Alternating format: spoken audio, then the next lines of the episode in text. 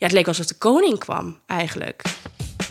Een man helemaal in een pak. Hij was heel galant. Die een heel groot bedrijf had opgezet wat fantastisch liep.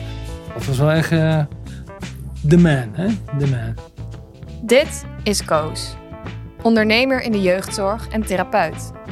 Ik heb dus voor elkaar kunnen krijgen dat ik redelijk kan doen wat ik zelf wil.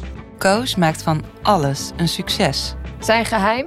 Je moet je niet zoveel aantrekken van al die regeltjes. Je hebt een wet en je hebt een soort speelruimte. En dat was dan de koos speelruimte. Koos weet het beter.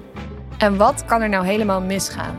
Nou ja, ik ben nog nooit zo dichtbij psychotisch geweest. Zo heftig, alles onder het bloed. Ze was er gewoon opeens niet meer. De zorg wordt toch heel goed gecontroleerd? Of staat Koos boven de wet? Niemand maakt mij iets. Hoe zat hij daar? En toen dacht ik, dit is gewoon gevaarlijk.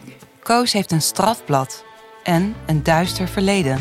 En toch kon hij tien jaar lang een jeugdzorginstelling runnen. Therapie geven aan kwetsbare jongeren.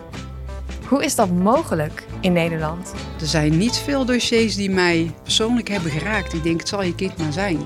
Hè, die daar in zo'n instelling terechtkomt. Ik ben Jolien de Vries. En ik ben Ilke van Ark.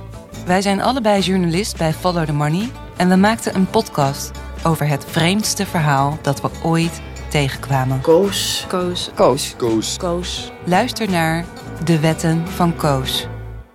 Vanaf januari iedere week een aflevering in je favoriete podcast-app. Of luister alle afleveringen in één keer via de app van Follow the Money. Ben je nog geen lid? Ga dan naar ftm.nl/slash koos en maak je gratis account aan. Je krijgt dan ook direct toegang tot de artikelen en podcasts van al onze collega's.